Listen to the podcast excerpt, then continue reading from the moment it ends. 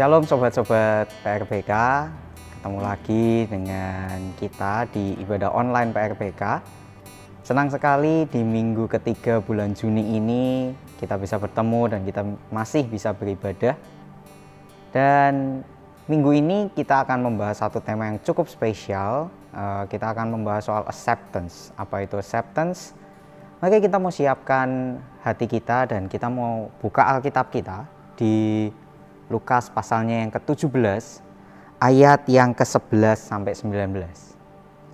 Mari persiapkan Alkitab kita buka di Lukas pasalnya yang ke-17 ayat 11 sampai 19. Mari sebelumnya sebelum kita akan membahas ini lebih dalam dan lebih banyak lagi, saya ajak kita semua untuk berdoa bersama-sama. Mari kita berdoa. Kami mengucap syukur Tuhan buat kesempatan yang indah Tuhan pada kali ini kami boleh beribadah uh, walaupun secara online tapi kami percaya ada sesuatu ada hal yang Tuhan mau singkapkan Tuhan minggu ini dan persiapkan hikmat kami fokus kami tujuan kami semua hati kami juga Tuhan supaya kami siap menerima benih taburanmu dan bukan hanya kami siap tapi kami bisa menjadi pelaku-pelaku firman di dalam satu nama Tuhan Yesus kami berdoa dan ucap syukur. Haleluya. Amin. Saya akan mulai dengan satu stat statistik, data statistik WHO yang mengatakan bahwa setiap tahunnya ada 800 ribu jiwa mati bunuh diri. Angka ini bisa diartikan bahwa setiap 40 detik itu ada satu jiwa yang mati bunuh diri angka ini angka yang sangat fantastis teman-teman karena angka ini cukup banyak jika dibandingkan dengan angka pembunuhan dan korban perang digabung menjadi satu. Kenapa hal ini diangkat oleh WHO? Karena kita sadar tahun-tahun belakangan ini angka kematian akibat bunuh diri sangat-sangat luar biasa. Kalau teman-teman di tahun lalu teman-teman mendengar beberapa orang yang cukup terkenal, orang yang cukup powerful mungkin mati bunuh diri. Dan WHO mencatat ada tiga alasan, ada tiga alasan kenapa uh, alasan yang kuat kenapa mereka ini bunuh diri. Yang pertama, alasan pertama adalah kesepian. Yang kedua adalah bullying. Yang ketiga adanya pelecehan seksual. Yang keempat baru depresi dan lain sebagainya. Tapi tiga itu, teman-teman sadar atau enggak? Alasan yang pertama adalah kesepian. Itu sebabnya tema acceptance ini, tema tema penerimaan ini mau kita angkat pada kesempatan kali ini. Kenapa? Karena kesendirian identik dengan penolakan dan lawan kata penolakan adalah penerimaan atau acceptance. Manusia nggak suka ditolak. Tidak ada orang yang suka ditolak. Tidak ada orang yang suka dikucilkan, yang nggak punya temen, seenggak punya nggak punya temennya kita, kita tetap nggak suka ketika itu ditolak kita pasti punya teman-teman, kita pasti punya orang terdekat walaupun jumlahnya sedikit. Tidak ada manusia yang bisa hidup seorang diri, nggak bisa, karena kita makhluk sosial. Dan beberapa orang ketika penolakan itu ada, beberapa orang nggak kuat menahan itu dan akhirnya bunuh diri. Penolakan demi penolakan biasanya datang dari orang sekitar kita, dari teman, komunitas, dan lain sebagainya kita nggak bisa lepas dari yang namanya penolakan. Mungkin beberapa dari kita merasakan penolakan. Penolakan nggak bisa gabung di satu komunitas, bahkan penolakan dari keluarga sendiri, penolakan dari teman-teman dekat, satu komunitas, satu CG, satu gereja, satu sekolah, nggak tahu. Mungkin banyak yang mengalami. Penolakan demi penolakan itu sangat-sangat nggak enak. Kita harus sepakat dengan hal itu. Tapi mari kesempatan kali ini di kitab yang tadi kita buka, kita mau belajar sesuatu soal penerimaan ini dan penolakan. Yuk mari buka di Lukas pasalnya yang ke-17 ayat 11 sampai 19 tadi. Judul perikopnya adalah ke-10 orang kusta. Saya tidak akan bacakan semua karena terpaut waktu. Tapi kalau teman-teman baca dari ayat 11 sampai 19 diceritakan ada 10 orang kusta. Orang kusta ini adalah lambang penolakan. Karena kalau teman-teman belajar di agama Yahudi di Israel sana bahwa kusta itu adalah satu penyakit dan ternyata penyakitnya itu bukan cuma satu. Penyakitnya macam-macam memang menyerang kulit tapi macam-macam dan di situ penderita kusta biasanya ditolak. Dia ditentukan sama imam dia sembuh atau enggak. Kalau dia menderita kusta dia ditolak. Dia nggak boleh masuk kota dia nggak boleh masuk ke perkemahan dia nggak boleh gabung ke komunitasnya dan betul-betul dia ditolak bayangkan di kisah ini dalam perjalanannya ke Yerusalem, Yesus menyusur perbatasan Samaria dan Galilea. Dan di sini Yesus ketemu 10 orang kusta. Teman-teman, saya nggak akan, uh, saya langsung melompat ke bagian solusinya. Yesus langsung menyuruh orang kusta itu untuk memperlihatkan diri kepada imam. Terlihat simpel sepertinya, tapi ternyata di sini ada masalah. Kalau kita melihat dari tempatnya, itu perbatasan Samaria dan Galilea. Dan menurut aturan Yahudi kalau kita mau dinyatakan sembuh kita harus memperlihatkan memang kepada imam. Masalahnya imam yang diakui hanya ada di Yudea. Nggak ada imam yang diakui di Samaria. Di Galilea mungkin ada imam, tapi masalahnya imam yang ke Galilea itu hanya di momen-momen tertentu. Maka ini yang terjadi. Orang kusta itu harus jalan dari Galilea ke Yudea. Dan itu bukan perjalanan yang cukup singkat. Itu perjalanan yang cukup jauh. Mereka dikatakan ia mereka disuruh ke Yudea memperlihatkan diri kepada imam dan kalimat selanjutnya ini di ayat 14 dan sementara mereka di tengah jalan mereka menjadi tahir masalahnya begini teman-teman orang Yahudi itu nggak akan nulis di tengah jalan. Kalau kita itu tuh tidak menempuh perjalanan yang cukup jauh. Kalau kita belum melewati setengah atau lebih perjalanan, mereka nggak akan nulis di tengah perjalanan. Artinya mereka itu nggak langsung ketika mereka balik dan menuju Yudea mereka sembuh, enggak. Tapi mereka jalan dulu agak jauh, setelah jauh setengah lebih baru mereka sembuh. Itu yang terjadi. Mukjizat terjadi ketika mereka perjalanan menuju ke Yude. Ini yang bagus, ini yang menarik teman-teman. Kemudian di tengah-tengah perjalanan mereka sembuh. Artinya ketika mereka di tengah perjalanan mereka mulai sadar, loh aku sembuh. Wah aku bisa diterima lagi. Aku bisa dapat acceptance lagi. Aku bisa masuk ke komunitas lagi. Aku bisa ketemu sama familyku lagi, aku bisa ketemu sama teman-temanku lagi, aku jadi netizen lagi nih. Aku masuk lagi. That's fine. Masalahnya ini yang terjadi, sembilan penderita kusta, mereka seolah-olah menuruti apa kata Yesus karena Yesus ngomong pergi perlihatkan diri kepada imam. Maka sembilan orang itu mereka lanjut karena mereka harus ke Yudea ketemu imamnya. Tapi yang menarik ada satu orang dan ini orang Samaria, dia yang balik. Ada satu orang Samaria yang kusta, yang dia merasa bahwa wow aku sembuh. Dan dia balik teman-teman. Apa artinya? Seolah-olah kayak ya, oh ini soal terima kasih. No, no, no, no. Ada satu makna yang cukup dalam di sini. Ketika satu orang itu kembali dan dia balik menuju ke Yesus lagi, artinya Sadarkah teman-teman ketika mereka mau menuju Yudea mereka harus jalan cukup jauh. Kalau satu orang ini balik berarti mereka harus PP dan dia harus berjalan cukup jauh lagi untuk kembali ke Yesus. Dia harus menempuh jarak yang cukup jauh. Dia harus balik ke sana untuk ketemu Yesus. Apa artinya?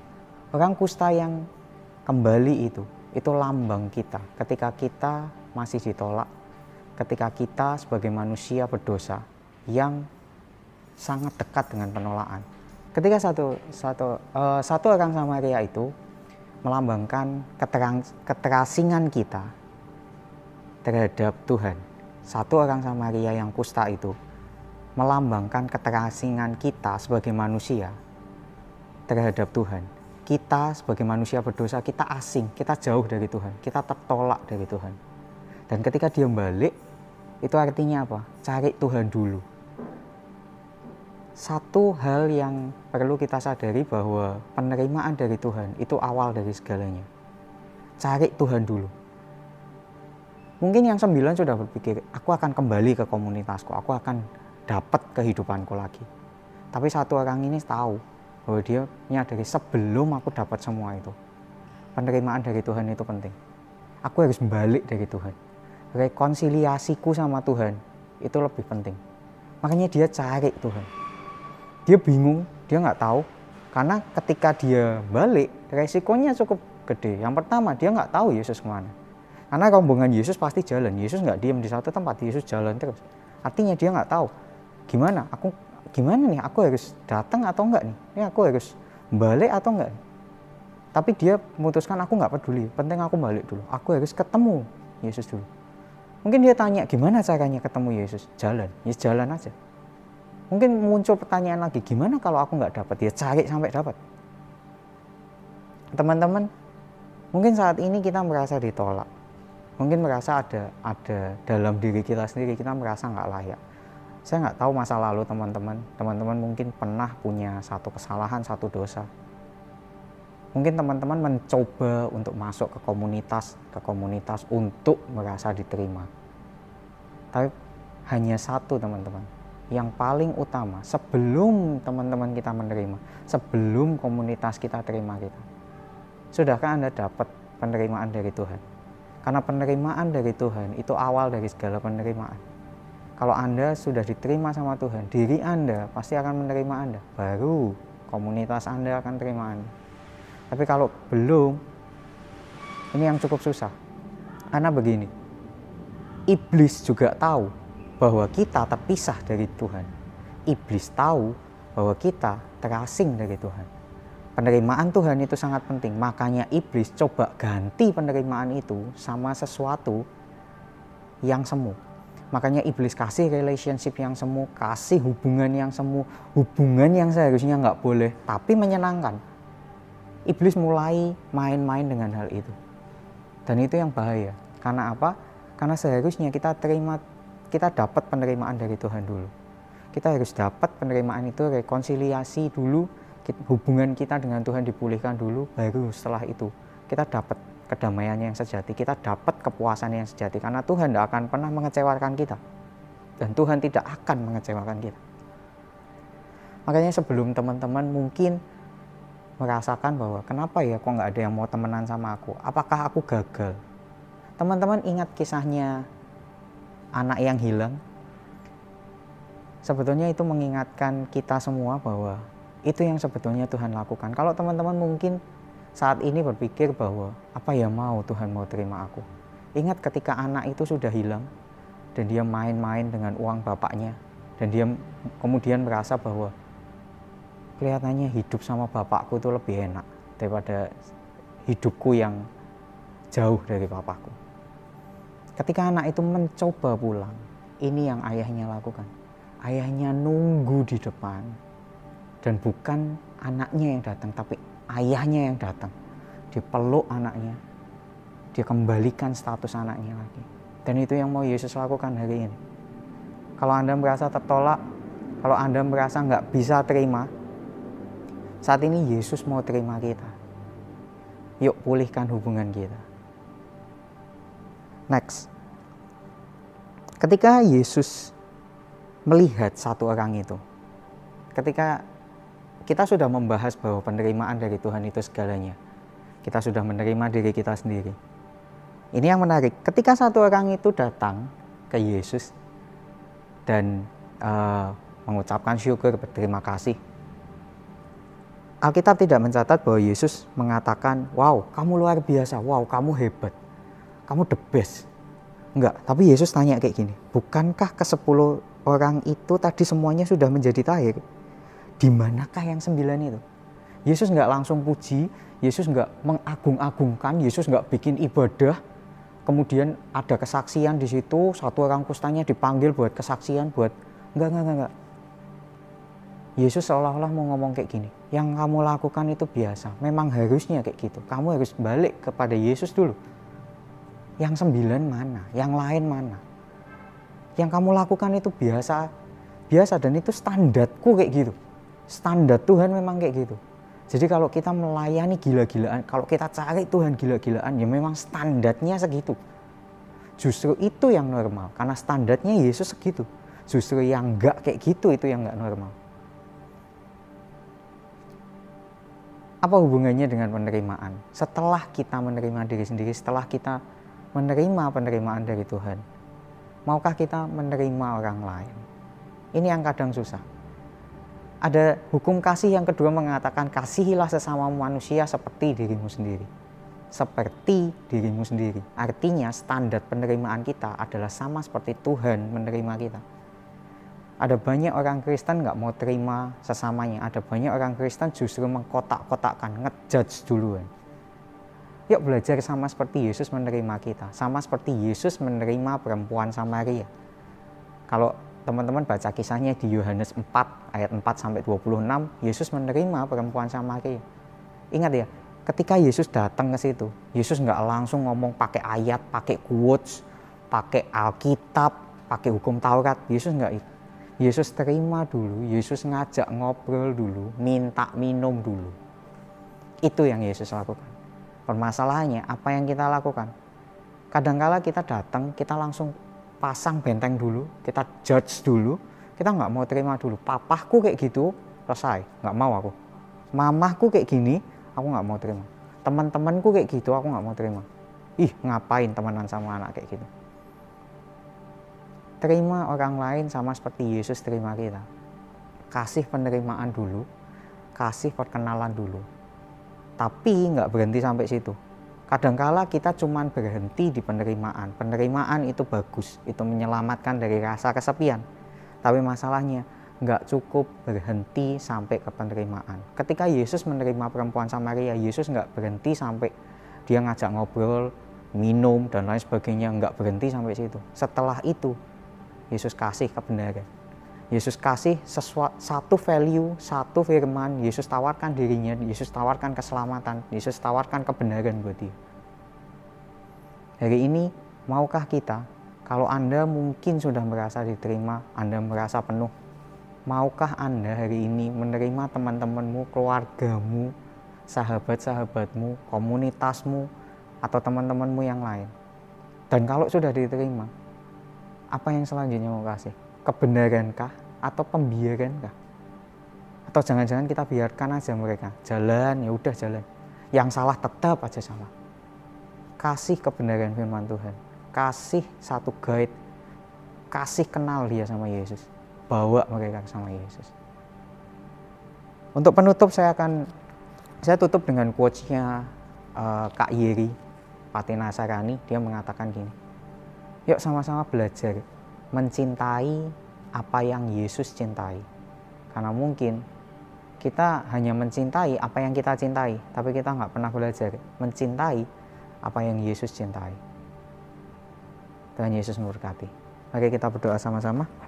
Kami mengucap syukur Tuhan buat kesempatan yang indah pada kali ini kami boleh belajar soal acceptance, kami boleh belajar soal penolakan Tuhan, ajar kami untuk menyadari bahwa Engkau satu-satunya sumber, Engkau adalah sumber penerimaan kami, dan ketika kami sudah diterima, izinkan kami untuk menerima orang lain, sama seperti Engkau mengasihi kami, izinkan kami mengasihi orang lain, Tuhan. Izinkan kami mencintai apa yang Engkau cintai, Tuhan. Buka hati kami, buka telinga kami, berikan kami hatimu supaya kami bisa melihat apa pun yang ada di sekeliling kami dan kami peka dan kami peduli terhadap semuanya. Berkati teman-teman yang mungkin struggle dengan penolakan, yang saat ini hancur hati, yang sedang bersedih, yang sedang galau karena kesepian, bullying, dan lain sebagainya.